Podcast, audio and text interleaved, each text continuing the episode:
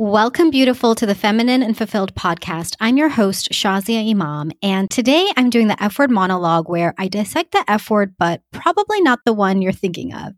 And today's F word is fracture. Ugh, I had to like think of the F word for this topic because today I'm going to talk about divorce. And I'm actually feeling very neutral about the topic today.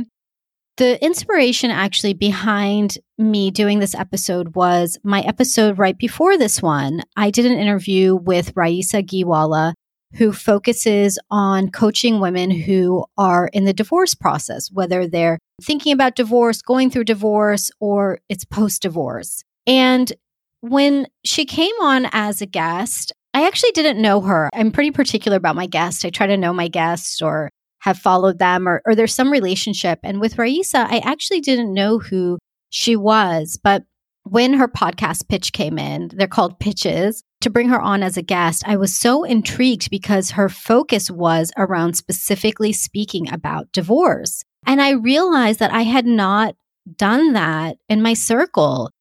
I mentioned that I've been divorced. I, you know, we'll talk about it kind of in passing, but I've never really gone deep into it. And so when we first started the interview, I remember feeling like just kind of nervous. I'm like, oh my gosh, are we really going to talk about this? And it's not that I can't talk about divorce, I, I don't have a problem with that.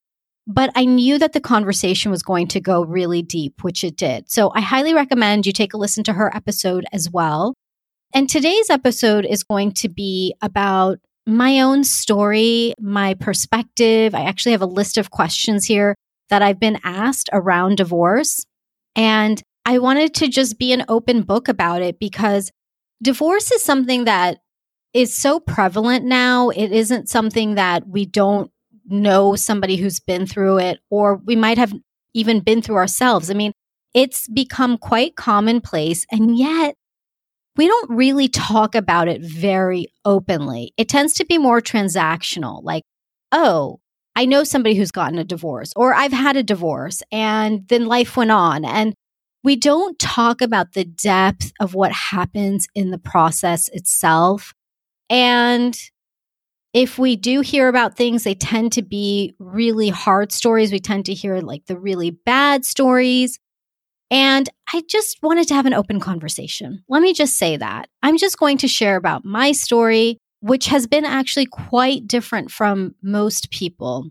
I'll share by saying that my divorce personally was, I guess, what you would call a conscious uncoupling now, although trust me, it felt like a divorce. It was a divorce, but it was very amicable. The way that I always describe my divorce is that it is the most amicable divorce that anybody could ever have.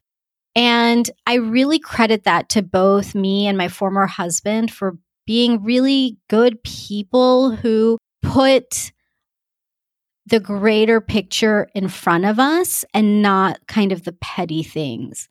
It's not to say that people who've had tough divorces or people who have a really tough ex, like, look, if that has been your situation or you know somebody like that, I'm not here to say you're being petty in any way, shape, or form.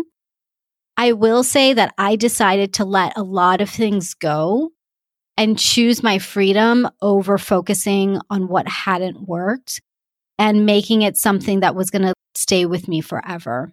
And I know that I might be a like a lone voice in what I share today just because it is so different, but I've realized that my perspective is also just as important so that we're not just regurgitating the same kind of dialogue over and over and over again. It doesn't serve those of us who don't fit into that quote unquote norm or fit into the story that maybe somebody else has had. So this could be the very episode that speaks to you and your experience or to somebody that you know. And as always, I'm going to be transparent. I don't have anything planned for this episode. In fact, I'm like, am I a little too calm right now? But we shall see where it goes. So let me go through the questions. And before I do that, let me just give you a little bit of background about my previous marriage.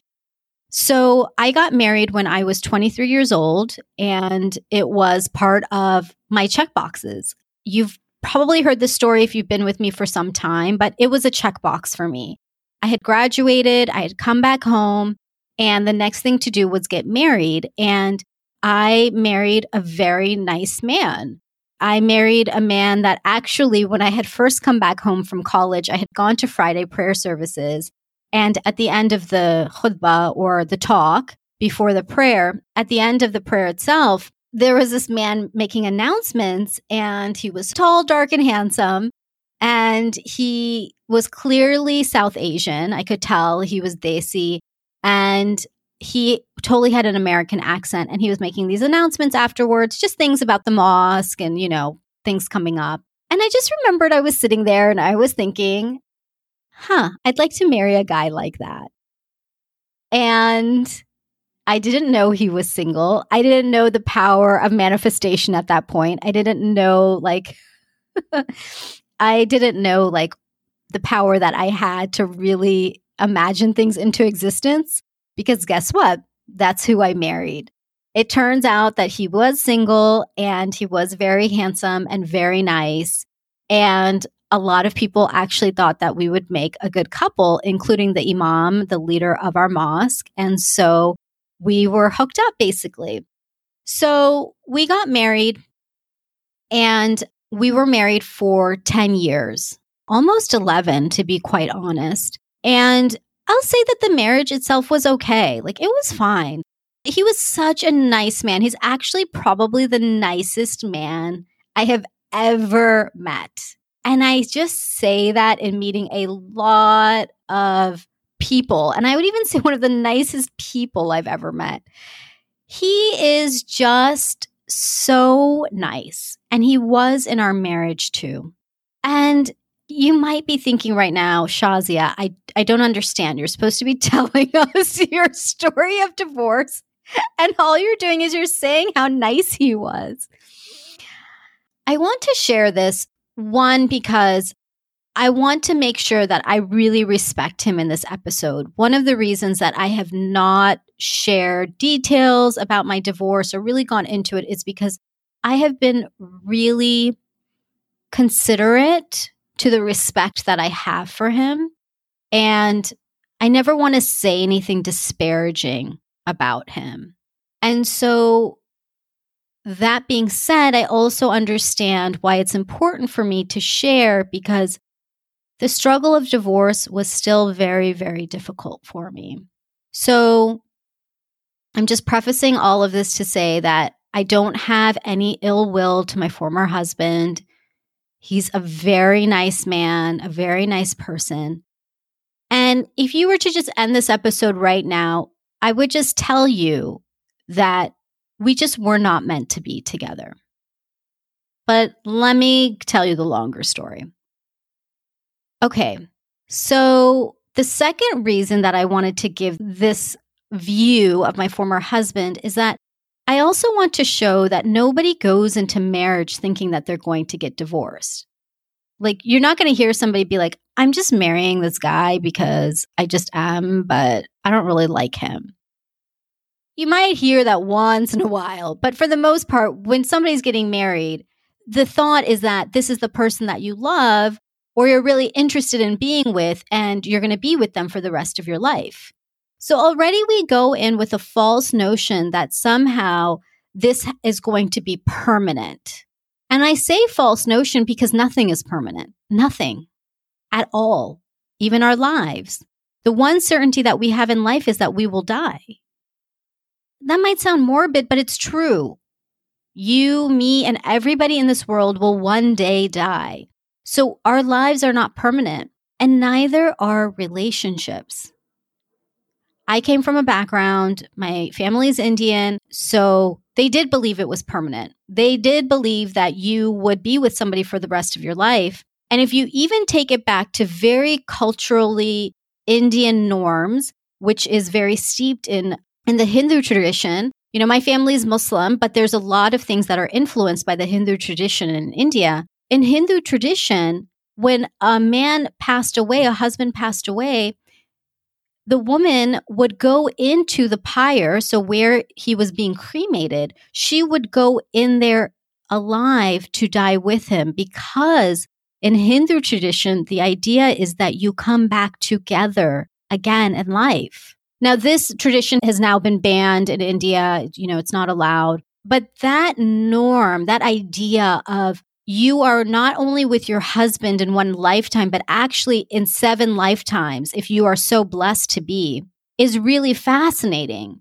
because even for our family, you know, we're Muslim and we don't believe in reincarnation. We have still taken on that notion that you're going to be with your husband no matter what until the end.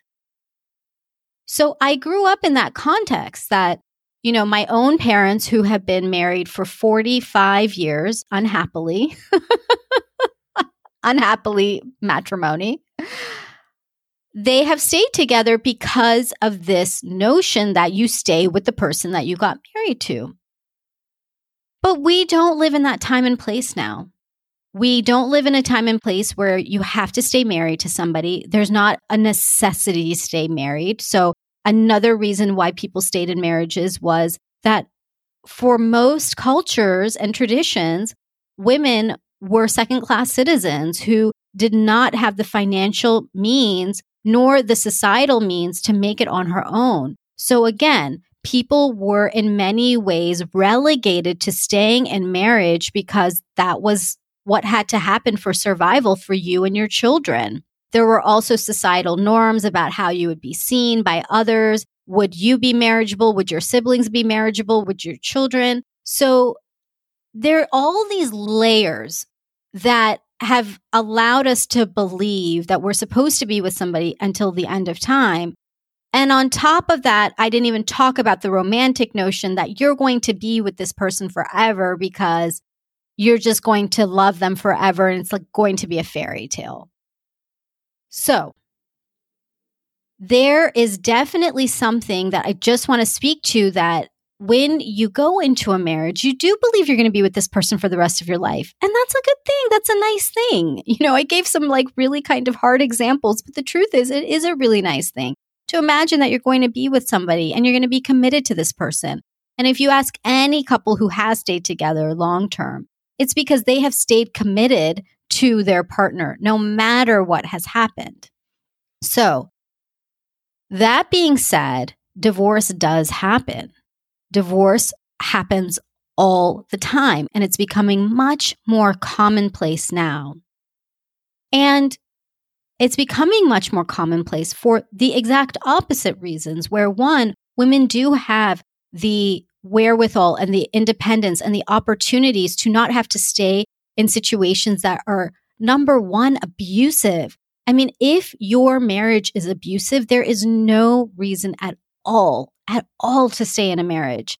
And that's just a clear line. If somebody is physically abusing you or mentally or emotionally, verbally abusing you, you get to have so much more than that. So that's a very clear line. Outside of that, that's a decision couples get to make. I'm not here to tell you when you should get divorced, when you shouldn't. Like, I, I am not here to say that. I will tell you my perspective is I am a big, big, big proponent of trying anything and everything to make it work. I am not shy about saying that. It might come as a surprise because I am a divorcee, but I do believe that we get to try everything possible when it is not an abusive situation because it's worth trying. And that's what my marriage looked like too. I did try. I tried really, really, really hard. So I know I've already had this like huge lead in and you're still thinking, Shazia, like you haven't actually like talked about your own divorce. And I think maybe I'm avoiding it. I think I'm like just kind of circling around, but all of these pieces are important. Okay, so great. I've told you the things. He's nice. And I didn't go in thinking I would get divorced, but you know what? It happened. It happened. It happened. It was unexpected. I remember the exact moment that it came to fruition. Like I'm getting chills right now, remembering that exact day and moment when I thought we were buying a home. We had gone to look at a home in the neighborhood that was our dream neighborhood. The doctors had given a call that week saying we could start trying again to have kids. We had looked at this home. It was on the market, the neighborhood we loved, we could afford it. And I thought, finally, my life is going to start again because we had lost our son the year before. And I thought, okay, things are starting to look up again. And we come out of the house, we get in the car, and I I turned to him and I said, "Okay, so when are we going to put in an offer?" And he turned to me and he said, "I want a separation." And my heart sank. I can feel myself there right now and I thought, "What?" And I remember like like literally like moving back in the car like in the passenger seat like moving back because it was like i was trying to like avoid the blow of the punch i'd just been given and i was like what? And he's like i want a separation. And it came out of left field. It came literally like that was the last thing i could have imagined he would say and it hurt really really really bad it hurt really bad because I thought that now life was going to start again. And it was like, I thought to myself, no, I can't take anymore. Like, I can't take anymore. It had been a year losing our son, burying our son. I had a lot of medical complications. I was in and out of the hospital. I had lost a ton of weight. I, I was like very sickly and then I had to go through a major surgery. And it's like one thing after another. And it was like, finally, I thought, now it's my time. And oh my God, no, it wasn't. It wasn't. So, you know my story after. So I'm not going to spend time on that. But that is what was the moment he said it. So let me go through and answer these questions and I'll weave in kind of the rest of the story before and after. But yeah, that was the moment. Okay, so the first question is Would you go back and try to make it work? I wouldn't. And I'm going to tell you why. I spent five years trying to make it work. So that moment in the car, we didn't formally divorce until five years later. In between, we were separated, we got back together, we were separated again, we got back together. It was a hot mess. I can kind of laugh about it now, but if anybody tried to make their marriage work, it was me. I talked to all the people, I read all the books. I got the individual counseling, we got the marriage coaching, we got the imam like was like knew inside and out what was happening, you know, our religious leader. And for a long time, I believed that there would be something to make it work. I believed that this one person would be our savior. Like this would be the one person. And, or this one book. I'm going to do this one thing in this book that I read, and this is going to be the thing to save it. And I'll tell you what happened. I definitely improved as a person for sure. I improved as a human. I improved as a wife. I improved in so many ways. And I'm really proud of myself. Like I grew a lot. I learned what it took to be in a marriage and I realized my shortcomings. I definitely had shortcomings. I used to be controlling, diminutive. I didn't mean to be, but I was. And I didn't realize that I had brought in a lot of the old patterns and behaviors from my own parents into my first marriage. And I learned, I learned what it meant to be a good wife. And, you know, some things are kind of traditional and old school, but I also learned what it meant to just be a good person inside and out. I wasn't a bad person, but I got to see my blind spots and I got to see where I was also responsible in this relationship and it breaking down. And I did do all the things. And you know, Raisa and I talked last week too of this piece of responsibility, and there is a responsibility. No two people ever get divorced and it's completely one person's fault. I mean, again, unless it's abusive. And even in my situation, I could say that for the like the next 5 years that I tried, I mean, I was spectacular as a wife. I totally give myself that credit. But we were not meant to be, and I'm okay with that.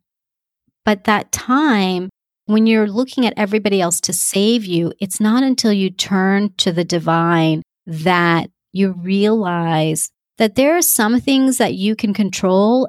And then when you let go and surrender, that is when things open up. So I did try to make it work and I did my best. And I will say that one of the reasons that we had such an amicable divorce is because of all of the things I did. And I give myself credit for that. I totally do. I give myself that credit for, at the time, my former husband being completely checked out in a total depression, you know, he lost his son too. He buried his son. He was in the grave burying his son. Like, I understand that there was a part of him that was sort of left in, in the grave. I don't know that he ever came back out. And I stood by him. I remember I used to say that if my husband had cancer, I would stand by him. And I felt that depression was like cancer. It's not a physical disease, but it is something we can't see that is a disease. And I wasn't going to let him go. And so I stayed and I stayed and I tried and I did all the things. And I wouldn't go back and I wouldn't actually change a thing. Even if you're thinking, well, Shazia, would you have still done so much? Yeah. I'm really, really proud of myself. When I look in the mirror, I see a woman who did anything and everything to honor the people that she loved. So yeah, I don't normally share that. You're going to hear a lot of things I don't normally share. But yeah, it was five years of really trying. Okay. Somebody asked, Do you worry about invading another person's privacy? Yes. That's why I haven't shared up until now. But I've realized that I'm not saying anything disparaging about my former husband. And this is a value to you and the person that maybe you know or to you yourself. So I get to share. Okay. What options were pursued prior? Okay, so I'll share some resources that I especially liked. So these are really tactical things if you are or know somebody in the process of divorce or getting there. Counseling for sure.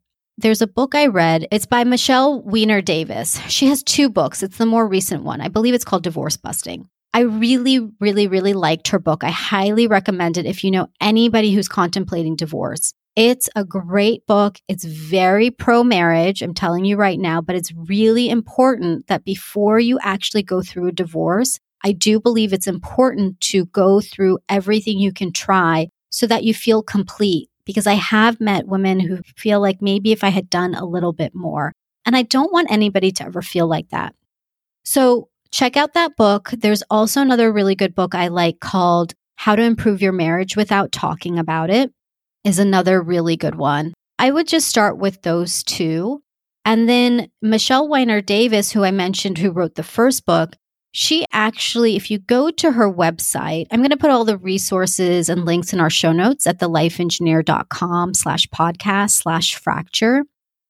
I'll put all the resources there, but there is a link. She has coaches. They're called divorce busting coaches. I really like them. I've worked with two of them personally for years. And I just really appreciated their no nonsense approach and solution based coaching to marriage resolution. I wouldn't recommend any counselor, and I'm going to be really clear about this because many counselors actually are not good. They're just not good in terms of marriage therapy. And marriage therapy is you need to find the right person. So I love the divorce coaches. You can check them out at the link at the show notes. And then finally, there's another woman, Cheryl Fraser. We actually did an episode together and she works with couples who have been together long term and she provides therapy and also resources to really improve your marriage. So I love her. She was a great interview too. So the options are definitely like therapy, counseling, coaching for sure with the right people who are going to support you. Now, I always look at marriage solutions first. First, first, first. That is always the go to. Now, if that is not the case, then by the time you get to a point where it is time for divorce, then the options that you need to look at are legal things. What will it mean? Start to explore what that looks like, the processes. There's plenty of stuff out there. So I don't have any specific resources around that. But I would say these pieces around marriage resolution to start there. I also pursued another thing that really supported me as I was in this crazy, tumultuous five years of my life. I had a really wonderful support group. There was a group of women, we did a book club, and we read books around relationships and marriages. And we did it because we all were in a similar place of trying to improve our marriage and do our best as wives. And it was a group of five of us that, oh, they were my lifeline. They were my lifeline. They were the women that they were like my ride or die, and I could just talk and be open. And even though the world didn't know what was happening, they were there. So look at what kind of support options are around you. Find a few trusted people and these were not friends of mine. I mean, they were friends, but they weren't like my like girls I hung out with.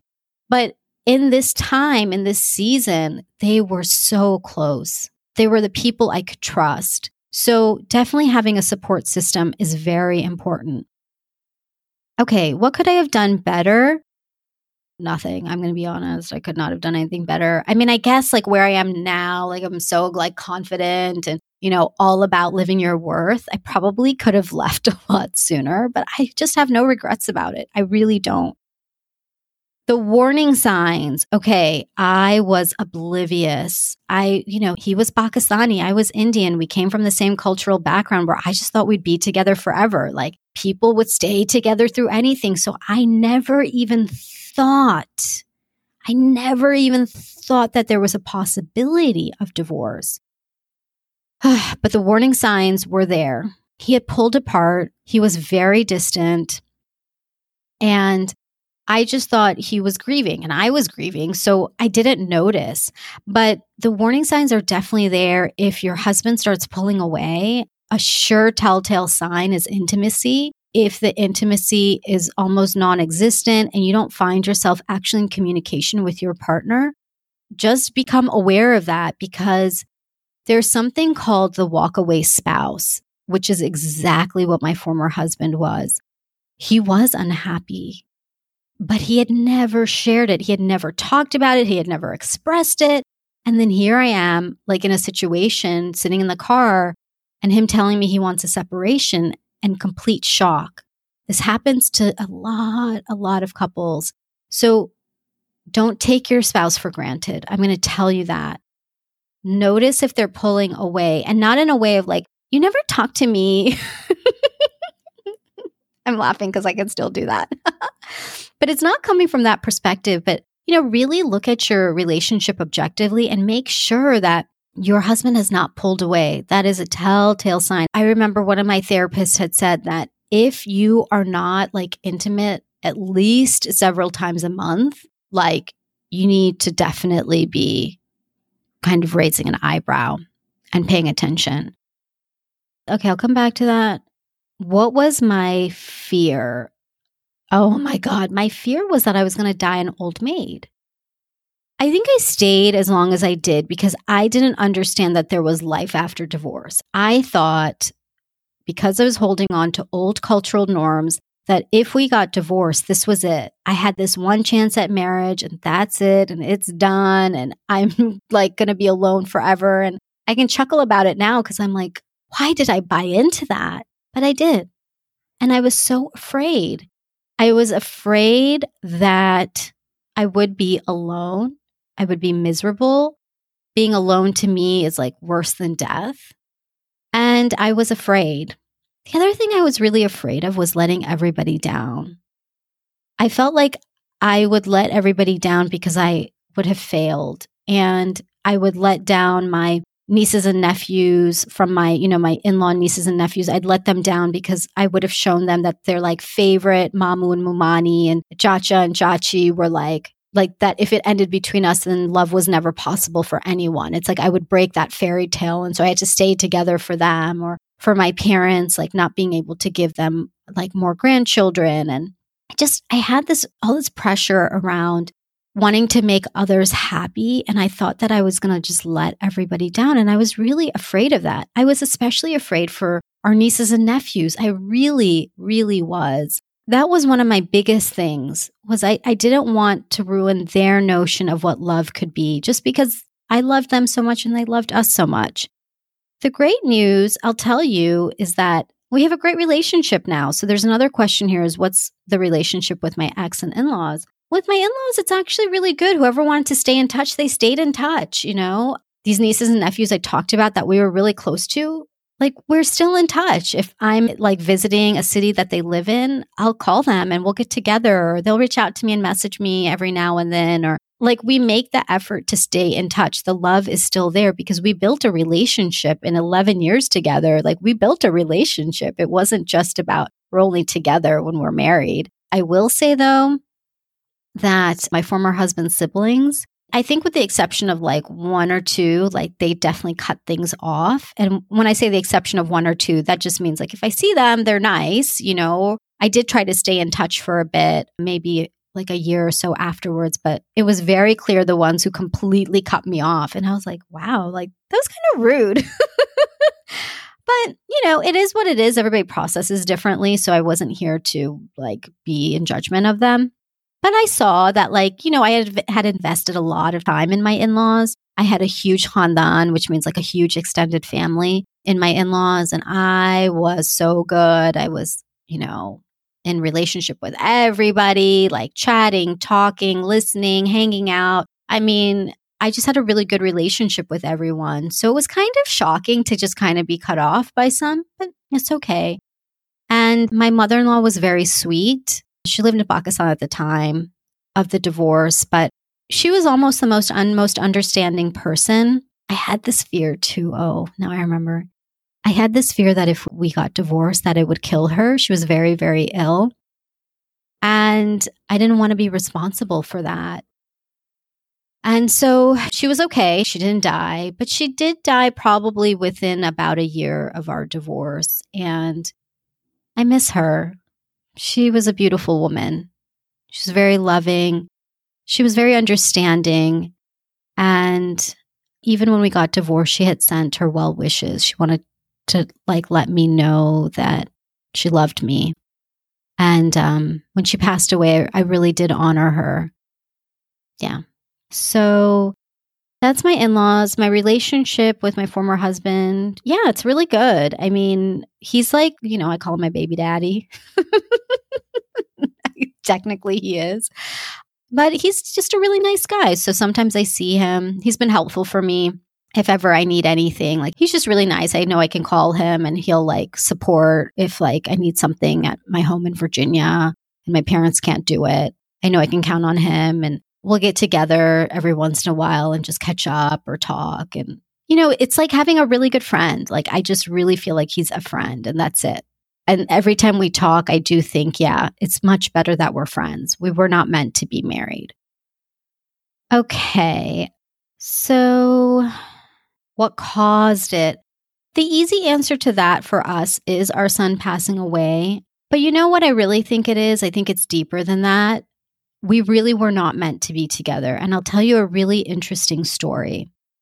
So after this, like it was five years of like all this stuff. Oh my God, back and forth and in and out. And I mean, it was, it was too much. But I remember this was right around the time where I started to really, really work on my self worth, on my self esteem. And I remember, like, within just a few weeks of me really deciding I'm going to work on my self esteem, I had this dream. I had this dream. And in the dream, my former husband had come to me and he said, I want a divorce. Like, basically, in the dream, I knew like it was over. And in my dream, I said, okay. And it was the first time I had said okay, because every other time I was like, no, no, no, we got to make it work. We got to make it work. And so in this dream, like he came and I knew it was time. It was really interesting. So I have that dream. And the next day, he's like, I had this dream. And I'm like, what? And so he shared that he had a dream and he had a dream and like his mom was in it and his grandmother was in it. And they were, like wearing white. And it was just a powerful dream. It had nothing to do with us, but it was this really powerful dream. And I was like, okay. And I didn't tell him about my dream because like I was like, oh, I don't want to say anything. So he went and had his dream interpreted. And basically, the dream was that whatever it is that you've been praying for, it's time. Like there's blessing in it. And I was like, oh my God. And I knew, like, I knew what it was about. And I didn't want to say it. I didn't want to admit it. But it was time. So he has this dream. I have a dream. And I knew he was going to come to me and tell me. And so he did. He's like, you know, I've been praying about us. I've been praying istikhara, which is a prayer that Muslims make when there's a big decision in front of you. He's like, I've really been praying it sincerely to see, like, you know, whether we should be together or not. But I had this dream and, you know, I believe it's time that we end things. And I said, Yeah, I agree. And it was almost as though the divine had sent us a message, like literally divine messages through dreams to say it's time, that it's over. And it was just wild. Totally wild. And I always like wonder about that dream, to be honest, because I really do feel like it was this sign to let me be okay with what was happening. That I got to let go of feeling like I had to hold on to this because it was the right thing to do. There's no right thing. That's what I've learned. It's not like it's right to be married or it's wrong to not be married. It's that each of us have a journey and I was on my own journey and my former husband was on his and our season together had ended. It had literally ended and it was from a place from above. And I, I left it at that and it gave me a lot of ease. And I think sometimes things are about the timing because that moment that I shared in the beginning about being in the car and being so shocked when he said he wanted a separation. I wouldn't have been ready at that time. If things had ended at that time and I didn't do, I hadn't tried in between, and we both hadn't tried, you know, I give him credit too. Although, okay, honestly though, like I was totally showing up. I am going to give myself that credit, but he was also not well. But if I didn't have that time in between, I think a part of me would have been broken. And I think the divine knew that. I think the divine understood that I wasn't ready. And that was also part of my journey. My journey was going out and wishing somebody else would save us and then realizing that nobody could save us. That's not the way life is. There's not some savior out there. There wasn't going to be that one thing. And when I let go completely, things did open up. But I needed to find myself in that journey. I definitely probably took a lot longer than people, or maybe I just needed myself at that time, like who I am today. I needed me at that time to support me at that time. Okay, so let's keep going through these questions. Thanks for your patience so far. I know that this is a longer episode than usual, but I wanted to make sure I got through all of the questions people had asked me because this is such an important topic. So, who supported and opposed you? You know, ironically, I didn't tell my parents when I was going through all of this. And in fact, I lived out of my car for three months out of shame because I didn't want my parents to know what was happening.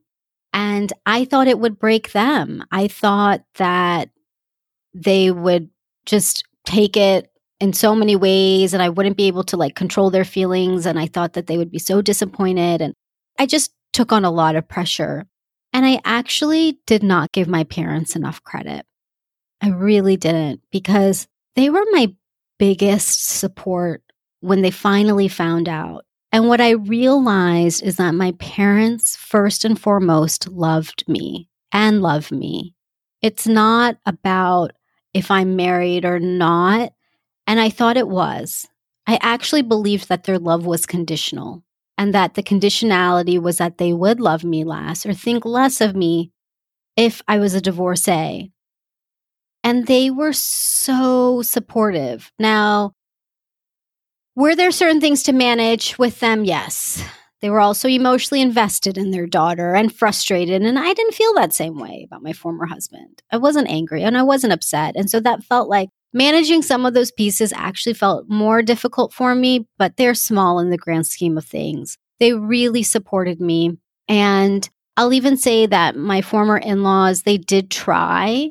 The ones that I was closest to, they tried the hardest. But by the time it really came to this point, you know, after this dream and this decision is made, you know, both of us having a dream, really clear on the decision, really knowing, okay, it's time. They tried at that time to keep us together, but it was too late. And I feel for them too. You know, I think there was a feeling on their side that if they had known sooner, that it would have been different, but it probably wouldn't have. In fact, I know it would not have. And I give everybody credit that they tried. People had our best interest at heart. And my heart goes out to any family member or person who felt like they let us down or that they failed in some way because it's not about failure. It's just each individual's journey. So, to be honest, nobody opposed me, I would say. I mean, yes, some people stopped talking to me at the end. They drew their lines, and that's okay. If that's what they believe loyalty is, that's fine, you know. I found actually I had a lot of support in my community. I was afraid of being ostracized. That was not the case at all. What I learned is that people follow the example of the people who are in the situation. So I have seen people where the community will divide, family members divide. It becomes very divisive. And that happens when the couple is divisive. But in our case, it was amicable. So we set that tone and then people were sad. People cried. I mean, I had community members crying when I told them because we were very beloved in the community. We were like that couple that people looked at and really thought, oh, they're like so happy and they're so good. And it was just such a shock. And I used to feel kind of bad, but I learned to let that go too because again, this was our journey. It didn't mean that people can't be in love and be together. It just, we weren't meant to be. So there was a ton of support, a ton of love. And basically, all the fears I had of being alone, being an old maid, being ostracized, letting everybody down, they were all wrong. they were wrong which is the case a lot of times for my fears. I literally will have these huge fears and then they're almost always incorrect. okay, so the next question is Did society judge you? No, they didn't.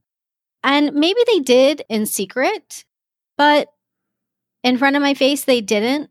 And nobody ever shared anything otherwise either. And I really don't believe they did. I think people were actually it shifted things in our community, actually, in our circle of friends, in our greater community. I think we did actually end up modeling that divorce can be amicable and it can be okay. And even though I didn't want to be the poster child for that, because that was not my goal in life, if it had that unexpected benefit that has supported others, then I'm happy. That's part of my role. Okay. Did you regret the divorce? No, no, no. Again, if it had happened right in the beginning, I would have. I think I really would have been broken. But by the time the final day came and our waiting period or the iddat period came, which for Muslims, the iddat period is like a waiting period of three months. By the time that came and ended, and he was leaving, I remember he actually had tears in his eyes. I do remember he had tears in his eyes, but I remember that when he left, I felt really free. I felt free from having to try so hard, from having to hold on to something, from just the weight of all of the things that I'd been holding on to, it's almost like I felt really literally free. And I'm really grateful that before everything ended, we decided to do a spiritual pilgrimage and Umrah to Mecca to commemorate our time together. It was a beautiful way to say we honor this time we had together. And now we know it's time that we move on. And again, I just have to be transparent with you that as these words are coming out of my mouth, they sound so beautiful. And a part of me is like, wow, like, I can't believe that I would ever be saying this. That I would ever think it's okay that we had this time together and now we're moving on and we, you know, do this beautiful spiritual journey together to commemorate our time together. And then we really do end things but we did. And it's something really beautiful that I hold on to that we did do that. And I'm so grateful. And everything happened in the divine timing and way it was meant to. So there's a question here of was it all bad or are there good things you miss? I don't miss anything. I really don't. I think this is such a good question because actually it wasn't bad. So I haven't even painted like this bad picture. It was hard in those five years. It was hard. Very, very, very, very, very, very hard. Only because I was the one who was very present trying to save things. There were some things that I will still keep private to be respectful of my former husband that, you know, he has asked forgiveness for. It's nothing glaring or horrible, but it was a hard time and I was very patient. But when I think about the 10 to 11 years overall, it was nice. I mean, it was it was good. There were actually a lot of good memories. You know what I do miss? Okay, I take that back. There is something I really miss. I miss the holidays. So, one of the traditions that we had is that during the holidays, and I'm talking Thanksgiving, New Year's, Eid, birthdays. One of the things that we did, I'll talk about Thanksgiving in particular. So, Thanksgiving was a really big tradition that we started. So, we would host Thanksgiving, and I loved Thanksgiving. And we would have the entire family over my family, his family, and there would be about like 40 of us. And we'd do the whole thing turkey, all the sides. It was a potluck the nieces and nephews would come. They would come three days before the Thanksgiving, and we would get everything prepared for the actual event. So we would brine the turkey and we would like start prepping the sides, and then we would cook together and we'd hang out, and it was so fun. And I miss that time. Like, I miss that quality time because I watched these kids grow up and, you know, some of them were like 11. I mean, they were all the way from like 16, 14, 11, 7, 3, not even born, some of them, you know, when I first met them. And they were like my kids. And I really loved that time with them. And um, I loved just, it was just like a lot of laughter and messes and like organizing and planning and having fun and just like, it felt so much like family. It really made me feel like I was part of a big family. And I'd always wished for that because I grew up, I was an only child until I was nine. And then my brother came. And so we had a very small family. And I always wished for this big family. So I miss that a lot. But you know what the beautiful thing is? Is that I'm creating new traditions with my family now. So I did get remarried. That's not today's episode, but I did. You can listen to my fireworks episode to hear about that. And I have a bonus daughter. And so we've started making our own traditions and they're different and they're ours. And so I've become really open to there are times and seasons in our life, different chapters in our life, and they're all beautiful.